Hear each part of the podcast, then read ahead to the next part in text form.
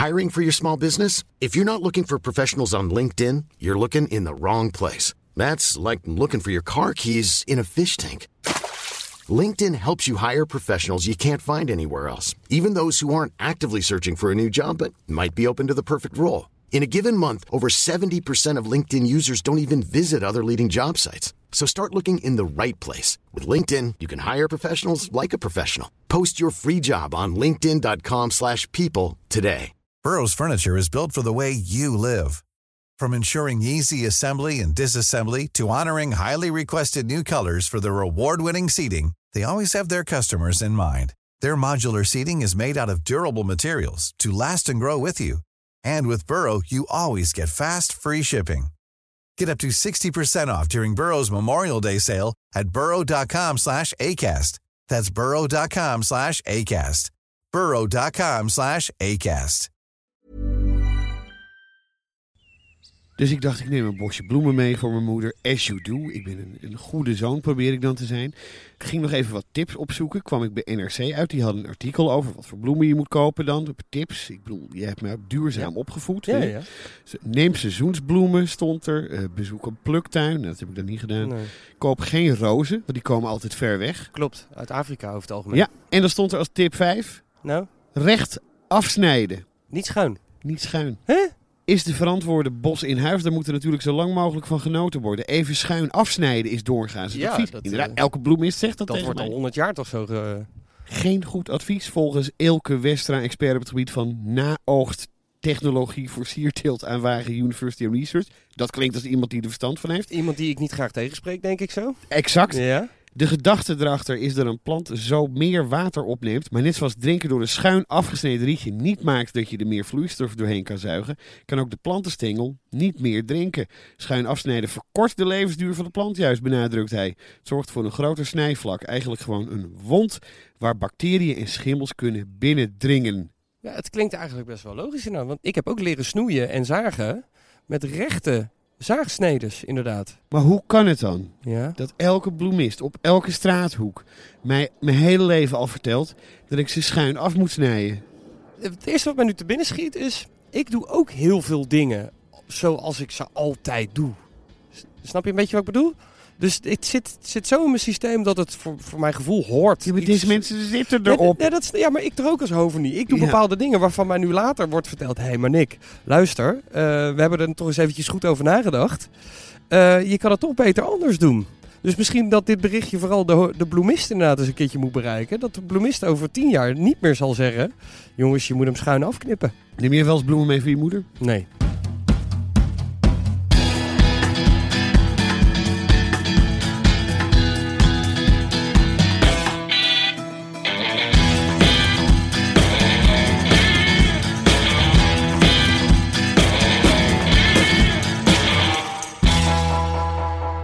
Ik ben Roelof de Vries en ik woon voor het eerst in een eigen huis met een tuin. Ik weet alleen geen sodemieter van tuinieren en groen. En daarom komt hovenier Nick Dijs me om de week helpen. En Nick, dat is een echte groengoeroe. De sultan van het schoffelen noem ik hem ook wel. De klaverkardinaal, de Aga Khan van de plataan. En hij helpt niet alleen mij, maar vooral ook jou. Want hij geeft antwoord op al je luisteraarsvragen. Vanuit mijn achtertuin is dit. Tuinmannen! Net zo goed als dat ik geen eenjarig in mijn tuin zet, eh, koop ik ook geen bosje bloemen waar... waar... Je zonde? Nou ja, ik vind het gewoon, er zit een hoop energie in.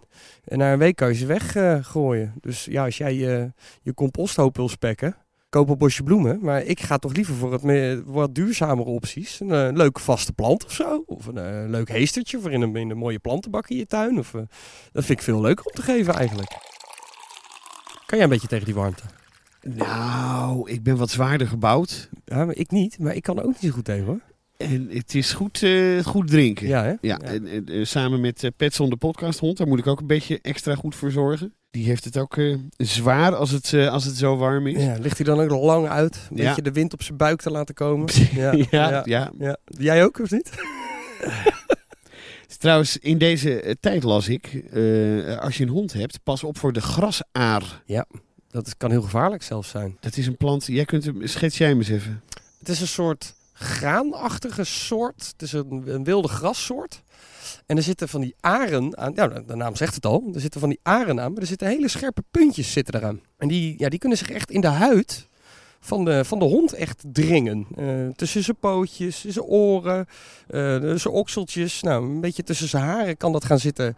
Ja, wringen en doen. En dat dringt zich echt de huid in. En dat, dat kan beestje. gaan ontsteken, las Ja, ik. ja, en dan gaat het is- door het lichaam zwerven. Ja, ja. Let een beetje op je hond als Ja, je grasaren in de buurt hebt. De buurt hier staat er vol mee. ja, bij Dus mij in de eh, buurt ook. Dus als ik de hond heb uitgelaten, ik, ik check er altijd eventjes goed eh, voordat ik er weer terug op de mandje leg. Kom je nog wel een beetje toe aan werken eigenlijk naast al jouw media optredens? Want ik zag je nu weer bij de NOS opduiken Ja. via Omroep West. eh, Die belde mij inderdaad met de vraag van... Goh, eh, wij zitten met een stukje in ons maag. Wij willen het graag hebben over de droogte. Want daar kregen zij kennelijk ook best wel wat vragen over. En wij willen eens eventjes aan iemand nou, met verstand. Nou kom je natuurlijk bij mij terecht. En eh, daar heb ik ze, hoop ik, heel goed antwoord op gegeven. Dus ik heb de, de mensheid een, een stukje wijzer kunnen maken daarmee. Over twee weken gaan wij het over droogte hebben. Vandaag over compost. Eerst even naar wat, eh, wat luisteraarsvragen. Heb je ook zo'n vraag? Mail hem dan naar tuinmannen.meervandit.nl of stuur ons een DM'tje via onze Instagram-account tuinmannen is dat. Jan en Ina mailden. Lieve tuinmannen, hier een vraag uit Emmen. Wij wonen op een plek met voor en achter een rij van minstens 80 jaar oude eiken. We hebben onze tuin 17 jaar geleden aangelegd en opeens zijn de bolacacia's We denken zelfs door droogte. Nu willen we één nieuwe boom planten. Welke soort raden jullie aan? Groet Jan en Ina de Vries. Emmen, zei je? Emmen is zandgrond. Eh, je hebt te maken met droogte. Ja, dat klinkt eh, heel slap, maar een boom die tegen zandgrond en droogte kan. en hoe weet je dat nou? Dat is eigenlijk voor alle soorten bomen die je in je tuin wil. Je weet het niet zo goed. eh, hoe ga ik daar nou achter komen? Lopen ze een rondje door de wijk. En alles wat het goed doet bij jou in de wijk, dat zal het dus ook bij jou goed doen. Nou kan ik me voorstellen dat als je op zandgrond woont en je hebt dus de, de, te maken met droogte, dan kom je toch al snel uit op esdoorns. Nou, eiken, eh, die staan er al, maar die, die doen het daar hartstikke goed. Het krentenboompje, sterker nog, Emmen, Drenthe, het krentenboompje die wij kennen, wordt verkocht als het Drents krentenboompje. Eh, bloeit heel erg mooi in het vroege voorjaar met mooie witte bloemen. Dus dat is een heel tof eh, alternatief, denk ik. De karpines, de haagbeuk, doet het ook heel erg goed. En berken. Berken doen het, dan hoop ik niet dat je er allergisch voor bent, zoals ik. Ik loop de hele week al te snotteren. Maar ehm, de berken doen het ook heel goed op de zandgrond eh, in, het, eh, in de droogte. Jij zegt de zand. De- ik geloof je meteen, Emmen. Ik, ik dacht dan Drenthe, dat zal wel veen, zijn. ja, ja, maar dat is gewonnen gebied. En dat wordt over het algemeen, wordt dat juist met zandgrond, wordt dat Aha. weer, weer opgehoogd en aangevuld. Fini Verheijen die stelde een vraag die ik mezelf ook wel eens heb gesteld. Hallo Nick en Roelof Meeltse. Waarom worden tulpen na de bloei uit de grond gehaald en in het najaar weer opnieuw geplant? Vriendelijke groeten, Fini Verheijen. Waarom kun je ze niet gewoon laten zitten? dat kost het bolletje te veel energie. Wat je moet doen, je moet het eh, na de bloei knip je sowieso eh, de bloem eruit. Want die bloem die gaat zaad zetten en dat kost de, eh, het bolletje heel veel energie. Die knip je er sowieso al uit. Dan laat je het bladgroen eraan zitten. Daar haalt het bolletje zelf zijn energie uit. Dat slaat hij als het ware op voor het volgende jaar. En als het bladgroen volledig is afgestorven, dan haal je die bol er juist uit. Zodat hij zich, nou verder, hij, hij hoeft zijn energie niet meer te gebruiken. Het is een beetje een luxe poes. Eigenlijk wel. Ik laat ze eigenlijk best wel vaak gewoon zitten. Dat kan ook. Ja hoor, gewoon eh, ja, bemesten. De, de grond goed voedzaam houden. En daar houdt hij vaak genoeg energie in over om het het jaar erop echt, echt wel weer te gaan doen. Want jij zegt zaad zetten, dan zou je ze- ook kunnen denken dat regelt zichzelf dan wel. Als je dat laat zitten, dan Ja, gaat hij misschien dat zaad in de grond. eh, jawel. Droppen. Maar over het algemeen niet meer op de plek waar je ze had. En wij hebben allemaal redelijk keurige tuintjes. Een beetje te keurig vind ik af en toe. Maar ja, het bolletje komt vaak niet helemaal terug waar die al stond. Eh, verwildering vind ik echt onwijs tof, inderdaad, in de tuin. Maar ja, de keurige tuineigenaar, ja, die houdt daar niet zo van. En wat wel echt zo is, kijk, ik laat ze vaak zitten. Ze zijn in de loop der jaren, zullen ze iets minder mooi bloeien. Minder energie hebben ze uiteindelijk. Dus haal je ze eruit, dan verleng je wel de levensduur en dus ook de mooie bloei van jouw mooie tulpen. Dat wel. Reclame. Je kwam hier vanochtend eh, aanzetten, Nick. En toen zei ik, moet je eigenlijk nog wat, eh, na deze opname. Ja. En toen zei je, ja, ik heb nog één klusje. Ja. Ik ga een, een, eh, een automower installeren. Ja, een robotmaaier, klopt. Van Husqvarna neem ik aan. Van Husqvarna, zeker weten. Ja, dat zijn ook gewoon de beste eigenlijk die je kan hebben. Want wat doet zo'n automower? Ja, je zou zeggen dat hij maait, maar eigenlijk scheert hij jouw gazon. En dat doet hij eh, zeven dagen in de week? Acht? Elke dag dat jij wil dat hij dat doet, eh, rijdt hij rond als een karretje over jouw gazonnetje. En met hele kleine mooie scheermesjes die onderaan die maaier zitten, scheert hij elke dag nou, jouw gazon op dezelfde hoogte als dat jij hebt ingesteld. Het is eigenlijk een soort een- een babyhuisje Ja. van, van gras. Ja, Zeer zorgvuldig en vriendelijk doet hij dat. heel erg. Je hebt er dus verder eigenlijk helemaal geen omkijken meer naar. Je stelt hem in. Je, je installeert hem met mooie draden die je aan het gazon legt. En verder kan jij de hele dag met een cocktail in je handen heerlijk kijken hoe dat apparaatje voor jou het werk allemaal aan het doen is. Ja, het is, ze zeggen wel eens kijken naar groeiend gras. Maar kijken naar gras dat wordt geschoren is eigenlijk nog veel leuker, toch? Ja, nou, nou, veel leuk. Het leukste misschien wel. Ja, absoluut. En op de automower van Husqvarna, Nick, zit een nieuwe functie. Jij kent hem, jij bent er dol op, dat weet ik. Het heet de rewilding mode. Ja, En dat heeft te maken met eh, rough mowing. Ja, ja. Eh, eh, die rewilding mode zorgt ervoor dat je een gedeelte van je gezon kunt laten verwilderen. met één druk op de knop, Roelof. Zo simpel is het. Minstens 5% van jouw gezon wordt dus helemaal niet meer gemaaid. Wat als voordeel heeft dat daar wilde bloemen en wilde kruiden en het hele mooie biologische plaatje kan zich daar verder ontwikkelen. Ik zie allerlei blije insecten voor me. Ja. Ik zie lachende bijen. Ik zie gierende vlinders. En allemaal dankzij Husqvarna. En het, het is dus minimaal v- 5%. Maar je kunt ook zeggen van... eh, Ik Tien? doe eens gek. Ik doe 10, ik doe 20. Pak eens uit. Met je Husqvarna. Met je Husqvarna. Ik heb nog een leuk weetje voor je. Als iedereen met een privégazon, dus Ja. even de parken uitgesloten en alle openbare ruimtes. Als iedereen met een privégazon in Europa 5%, dus dat is het minimale van hun gras, niet zou maaien, dan gaat dat om 125.000 hectare. Kun je, kun je daar iets bij voorstellen? Ja, ik, ik probeer dit altijd een beetje terug te rekenen naar voetbalvelden. Nee, 125.000. Weet je hoeveel bijen er op 125.000 hectare leuke dingen kunnen doen? Nee, dat weet ik niet. Weet jij dat? Nee, dat weet ik ook niet. Meer informatie is te vinden op www.huskvarna.com schuine streep auto mower en Husqvarna speel je met een Q. Nick, we gaan het hebben over compost. Ja, En laten we eens beginnen met de vraag, wat is het nou eigenlijk? Want ik denk alleen maar eh, stinkhanden. ja nou, nou, nou, dat valt dus wel mee. Dat ligt dus helemaal aan de manier waarop je composteert. Ja. Maar compost is niks anders dan een, een organische grondstof.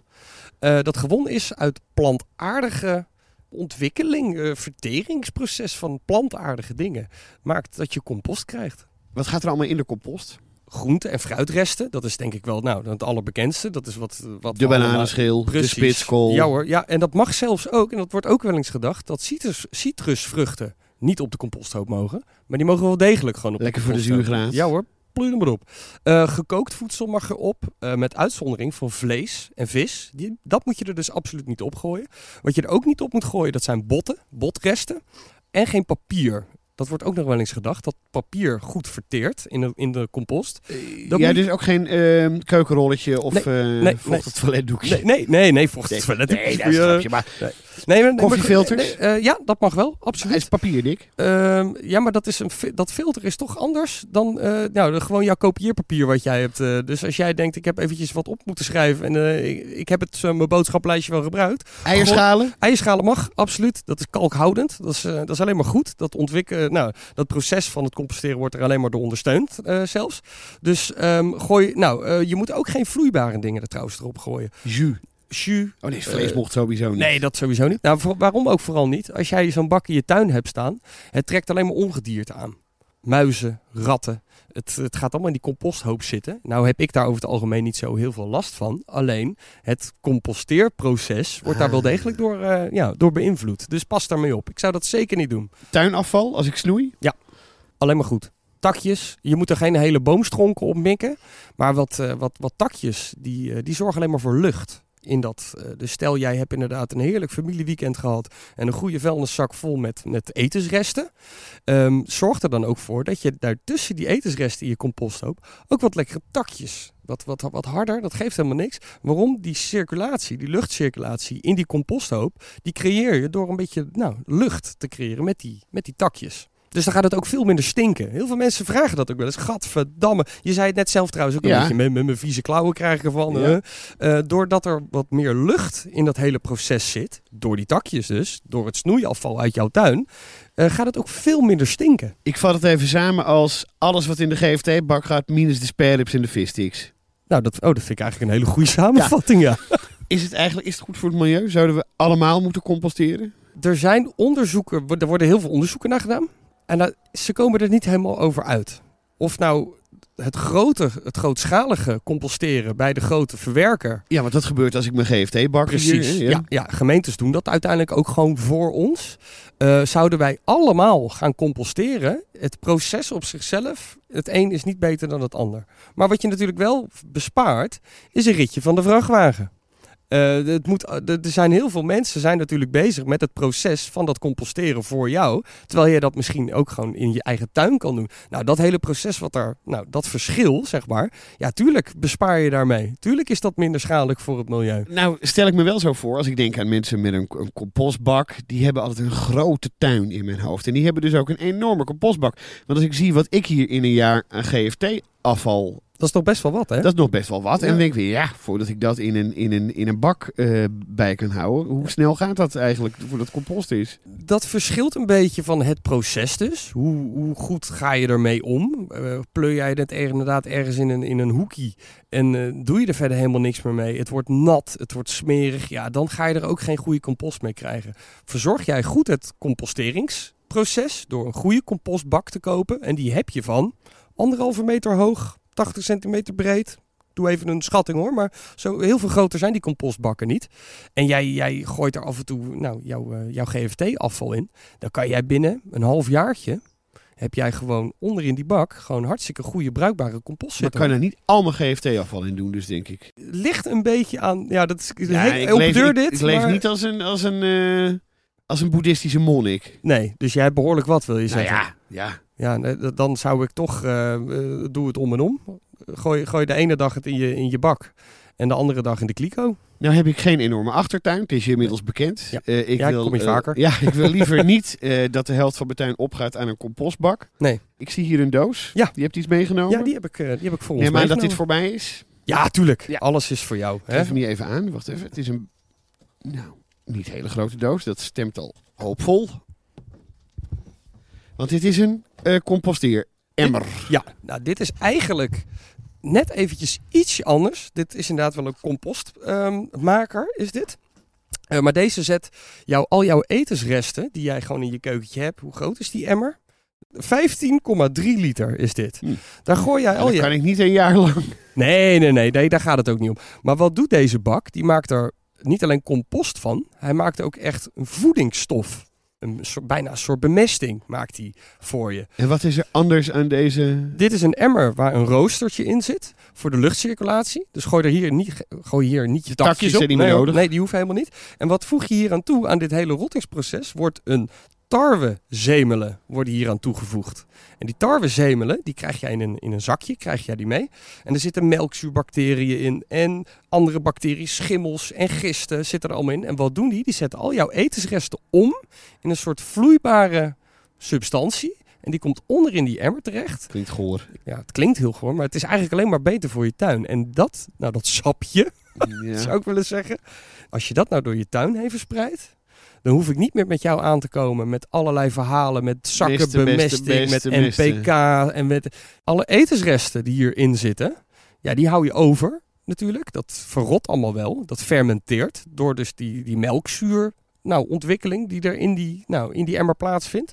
Uh, als je die ingraaft in jouw tuin en je wacht twee weken en je zet er daarna wat plantjes in, bijvoorbeeld in je moestuin. Ik zou bijvoorbeeld heel goed voor kunnen stellen dat je dat dus door je moestuin heen werkt. Nou, daar heeft dus nou, dat gistingsproces is zo goed voor jouw bodemleven dat alles wat jij er vervolgens opplant schiet de hemel in. Het, het, prachtig. Zo ga ik bijna op mijn... Ik heb ook wel eens gehoord dat er iets bestaat als wormenbakken. Is dat ook een manier voor composteren? Ja, dat is zeker een manier van composteren. Heb jij bijvoorbeeld, wil jij een compostbak in jouw tuin maken? Stel, jij koopt zo'n mooie grote vierkante doos. Mm. Moet je dan bijvoorbeeld ook nooit zomaar koud op jouw bestrating zetten. De onderkant van die bak is altijd open. Dus heb jij een mooi hoekje gevonden ehm, waar tegels liggen, wip die tegels er even uit. Boel die grond daaronder een beetje om. Waarom? Dat bodemleven, die wormen, de insectjes die erin gaan zitten, maar vooral Trek je wormen. dan van onderen in die bak? Nou, die, ja, zeker. Die, die, dan maak je het dus makkelijk voor, inderdaad voor de wormen om erin te komen. En wat doen die wormen? Die helpen dat Aha. Die vreten daaraan, die kakken het weer uit, die scheiden het af. En de Eh, wormenbak is iets anders dan de gewone compostbak. ja, nou, een wormenbak is eigenlijk niks anders. Eh, deze bak die wij hier gebruiken, daar voegen wij dus die, die zemelen aan toe. En bij een wormenbak doe je niet die zemelen erin, maar alvast die wormen. En die wormen die zetten, heb je hem vast? Ja. En die wormen die zetten dus al jouw rotzooi om. En nou hebben wij natuurlijk een peperwedstrijd. Ja. En dan Dan gaan we ook een compostwedstrijd doen. dan gaan we ook een compost. Nee, ik, ik zie een mooie combi trouwens. Als wij hier in de compost Dan kunnen we de eh, peper ermee... eh, voorzien van extra voedingsstoffen. Kijk, Ja. hier zit een roostertje. Die pleuren we hatsa onderin. Ik heb dit bij de biologische supermarkt gekocht. ja. En die vrouw die dit eh, aan mij nou, verkocht. Nou, ik vind, ben zo blij dat je dit doet. Weet je, eh, vriendinnen van mij, die hebben, hebben dit in hun tuin gebruikt. En je kan precies zien waar ze gebleven zijn. Zo goed werkt het. Zo goed werkt En wat deed ik nou ook weer met wat achterblijft? Dat Eh, werk dat een beetje door de dat grond. werk je door de grond heen. En dat moet je dus een beetje eh, laten verrotten in de grond waar je uiteindelijk dus je planten zet. Nou, je, je voedt je grond hier gewoon mee. Ja, het klinkt geweldig. De meeste mensen hebben natuurlijk een gewone compostbak. Daar komt compost uit. Dat werk ik dan ook een beetje door de grond. Ja, compost is dus ehm, het is geen mest, meststof. Ehm, het is een grondverbeteraar. En als jij eh, een beetje een zandarme of een, een, een, een, arme grond hebt, dan moet je daar je compost doorheen werken om uiteindelijk de, de voeding in die grond hoog. Het is, het is ook een heel natuurlijk proces. Hè? Als jij in het bos staat, al die bladeren die er vanaf vallen en eh, Henk met de bladblazer komt niet langs, dat is natuurlijk helemaal overbodig. Dat gaat, komt op die bodem terecht. En dat rottingsproces, wat er plaatsvindt in die bladerlaag, ja, dat is wat de natuur nodig heeft. Die, hij voedt de grond opnieuw, waardoor die boom kan blijven bestaan. Nou, dat, dat composteringsproces wat er in de natuur plaatsvindt, dat kan jij dus zelf nabootsen.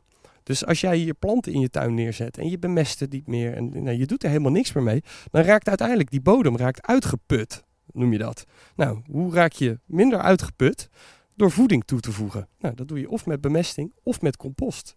Compost is eigenlijk een soort snackie, een mars voor, voor de natuur. Ja, een soort Red Bull. Het is tijd voor het ding van om de week. Louise Bonnier. die, Wat een mooie naam. Ja, mooie naam. Die eh, merkte nog via Instagram op. Tuinmannen underscore, ik zeg het nog maar even een keer. Het tweeweekse ding klinkt misschien lekkerder. Het tweeweekse ding in plaats van het ding van om de week. Eh, dat is maar net hoe je het jezelf aan... Ik heb nou wel redelijk in mijn kopje Ja, zitten dat het... eh, ja, maar ja, Wij zeggen dank Louise, maar Ja. we houden het bij het ding van om de week. doen we lekker niks mee. Oh. Jij hebt... eh, Ik heb wat, ik heb wat besteld. Wij krijgen heel veel vragen over luis.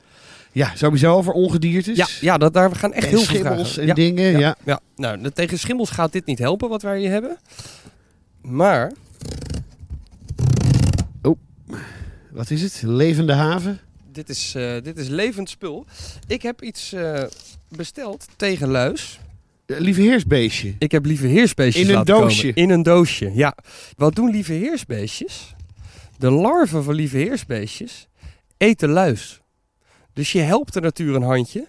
Kijk, dit is een mooi doosje met papiersnippers. En in die papiersnippers, zie je, daar zitten, Daar zitten al- daar, zit- daar zitten kleine larfjes in. hey, maar dit... Oh, nou, en wel meer dan larven. Er zitten ook wat grotere dingen al. Oh, nou, dan worden dat al... Hé, oh, maar verrek, kijk, daar gaan ze. maar Ja. dit, dit zijn... Hoeveel zijn dit er wel niet? Nou, eh, hoeveel heb ik er besteld? Dus er zijn in verschillende... eh, dit zijn er honderd. Dit zijn 100 honderd lieve lieve heersbeestjes. Wat doen die luizen? Die zorgen er natuurlijk voor dat jouw hele plant naar de knoppen gaat. De lieve heersbeestjes eten de, de larven van die lieveheersbeestjes, die kan je mooi uitzetten op die planten. Er zit een mooie beschrijving bij met hoeveel, lui, of hoeveel lieveheersbeestjes er op de grootte van een plant moeten zitten. Heb jij bijvoorbeeld rozen of wat kleinere bloeiende planten, dan moet je drie tot vijf van die larven op dat plantje zetten. En dat let allemaal niet zo, eh, je hoeft ze niet per stuk helemaal vast te pakken. 20 zijn. Als, ja, tuurlijk. Uiteindelijk lopen die beestjes vanzelf wel. Maar probeer een beetje op de, de plekken in jouw tuin waar, jouw luis, waar jij luis hebt. Stel, je hebt in de ene hoek een hele mooie hibiscus staan, vol met luis. En aan de andere kant staat dus een ander plantje of een roos vol onder luis. Verdeel dat dan mooi een beetje. Nou leert Google mij, ik heb mijn laptop er altijd bij, de ontwikkeling van een larve tot een volwassen lieveheersbeestje duurt 2 tot 5 weken. Oh, dat vind ik niet lang. Nee, maar Nee. begint die, deze larve ook al luis te eten? Ja, zeker weten. Een larf eet eh 5000 bladluizen tot het een lieveheersbeestje is. Dus vijf, dat zijn er een hoop. Dus daarom als jij een wat, wat kleinere roos hebt staan, heb jij dus maar aan drie tot vijf van die, van die larfjes, heb jij genoeg om die roos te redden. Waar je altijd wel rekening mee moet houden voordat jij die lieveheersbeestjes uitzet, die larven, is bestrijd je mieren. De luis heeft namelijk één aller, allerbeste vriend in jouw tuin en dat is de mier. Een mier eet namelijk de, eh, de, de glucoseafscheiding van een luis. Een luis peuzelt aan jouw blad. Aha. Dat scheidt hij af. Daar zit glucose in. En die mieren vinden dat lekker. Maar die mieren die zijn er zo gek op dat alles wat die luis nou, te pakken wil nemen. Dus lees het lieveheersbeestje, precies, de larf. De larf. eh, die valt hij aan. Hij zal de luis ten alle tijden bestrijden. Eh, heb je ook mierenbestrijding meegenomen? Aaltjes. ja. Ja. Heb je aaltjes bij je? Nee, die heb ik niet bij me. Maar eh, dit, dat, dat kunnen we natuurlijk wel regelen. Heb je, heb je kaneel in huis? Heb je kaneel in huis? Ja, ik ga wachten. Ik ga naar de keuken. Kaneel namelijk. Ja, Roelof loopt nu kaneel. even weg. Kaneel is een... eh, daar houden Draadloze microfoons. Dus als jij kaneel in een mierennestje strooit... en ik ga misschien nog wel wat boze reacties Kaneel. hierop krijgen van mensen... dat dat zielig is. Dat klopt. Zo. Maar we willen onze plantjes ook wel redden natuurlijk. Ja, sorry, ik heb ondertussen even doorstaan uh, kakelen. Die kaneel... eh, Ja, dat, dat moeten we in een mierennestje. Wist je dat als je twee van die kruidenpotjes, er zitten ribbeltjes onderop. Als je er twee hebt en je beweegt het tegen elkaar, dan komt het er vloeiend uit. Wist je dat? Zal ik nog één pakken? Nou, dit vind ik echt... Ja, het is een lifehack. Nou, het klopt wel, ja. Want ik sta nou te schudden en te doen. Dat is alleen maar irritant. Als je de beide bodems dus tegen elkaar doet, Hou jij mijn microfoon? Ja. Andersom hè? Ja, ja, maar dat ga ik doen. Maar ja, ik kan hem nu wel onder, andersom houden, maar dan razert het er al uit, eh, meneer de Vries. Zie je dat dit werkt? Ja, dit is toch... Dan leer ik jou ook eens wat. Dit is echt waanzinnig. Dat, eh, dat is dus mijn, eh, mijn tip van deze twee weken. Koop lieve heersbeestjes ter bestrijding van je bladluis. Ik heb nog een mooi boeketje luisteraarsvragen binnengekomen via tuinmannen.meervandit.nl of de DM op onze Instagram tuinmannen underscore. Marloes, die stuurde er eentje. Beste tuinmannen, ik heb een vraag. Ik vind pioenrozen altijd mooi en heb vorige zomer een rozenstruikje geplant in half schaduw bij een perenboom. Hij doet al een jaar niks, maar gaat ook niet dood. Welke liefde moet ik hem geven? Dank alvast.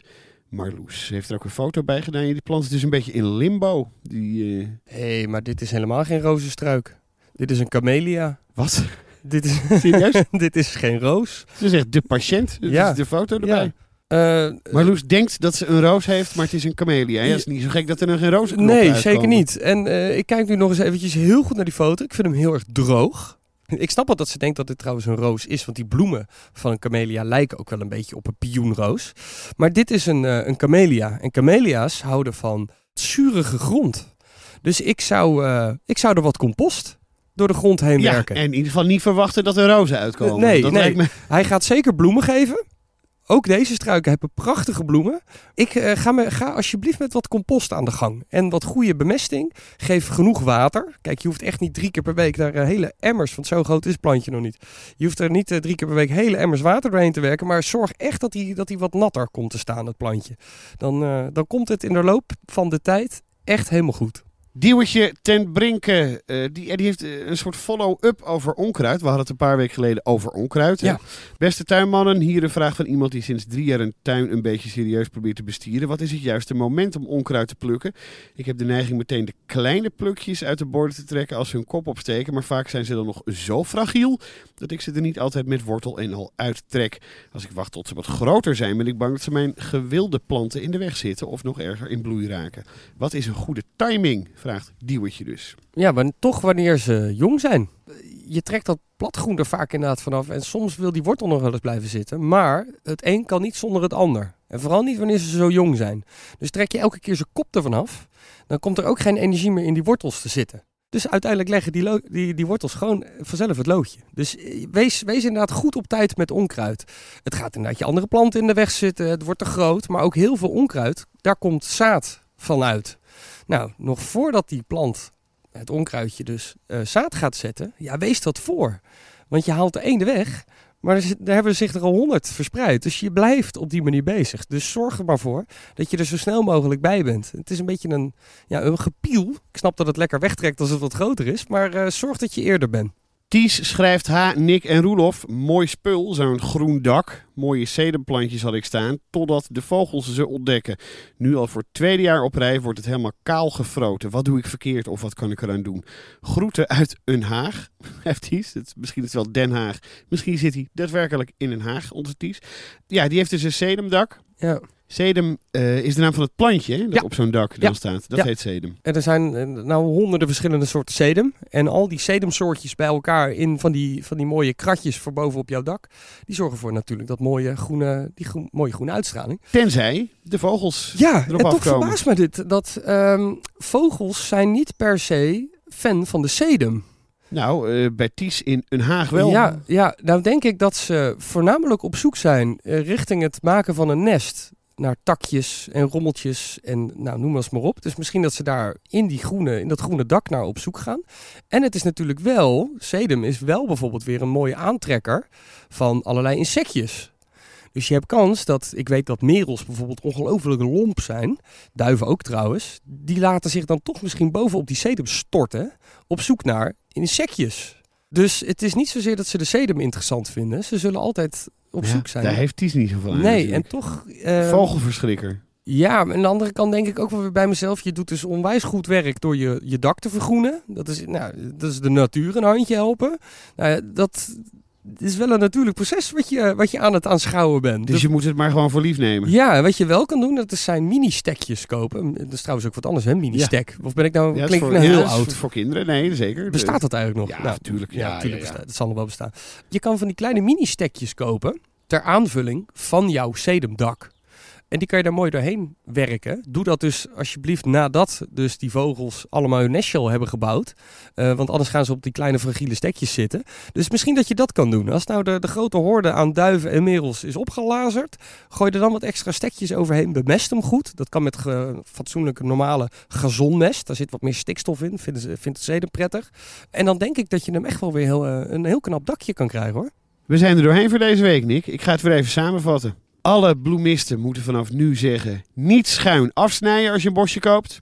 Wees voorzichtig als je je hond uitlaat. Let een beetje op de grasaar, want die is gevaarlijk voor hem of haar. En check de oren goed van het beestje. Is dat zo? Ja, ja daar, daar heb ik ervaring mee. En daar komt vaak zo'n aard toch in terecht. Als je een leuke nieuwe boom op zandgrond wilt, nou denk eens aan een beuk of Een Drents krentenboompje. Vooral leuk als je in Emmen woont.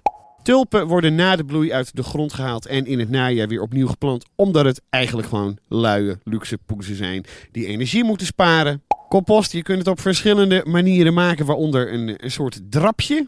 Dat gaan wij proberen. Ja. Maar het is sowieso een leuk en goed idee. De larve van het lieve heersbeestje werkt als een tierenlier om je bladluis te bestrijden. Als je rozenstruikje het niet goed doet, check dan vooral of het wel een rozenstruikje is. Onkruid meteen eruit trekken, want dan gaat de wortel op een gegeven moment ook wel dood. Hoe eerder je erbij bent, hoe beter. En als je sedumdak wordt kaalgefroten door vogels, ja, dan heb je ook gewoon een beetje pech. En dat is de natuur. Ja, het hoort erbij. Het zijn die keiharde wetten van de natuur. Ja, wij hebben niks te vertellen eigenlijk hoor. Over twee weken, Nick, hebben we het over een, een onderwerp eh, ja, dat een ieder ongeveer wel aangaat. We hebben er de afgelopen week ook wel mee te maken gehad. Droogte. Het is eh, een steeds groter eh, probleem aan het worden. Ja, gelukkig heb jij de oplossingen. Ik zie je over twee weken. Tot over twee weken, Roelof.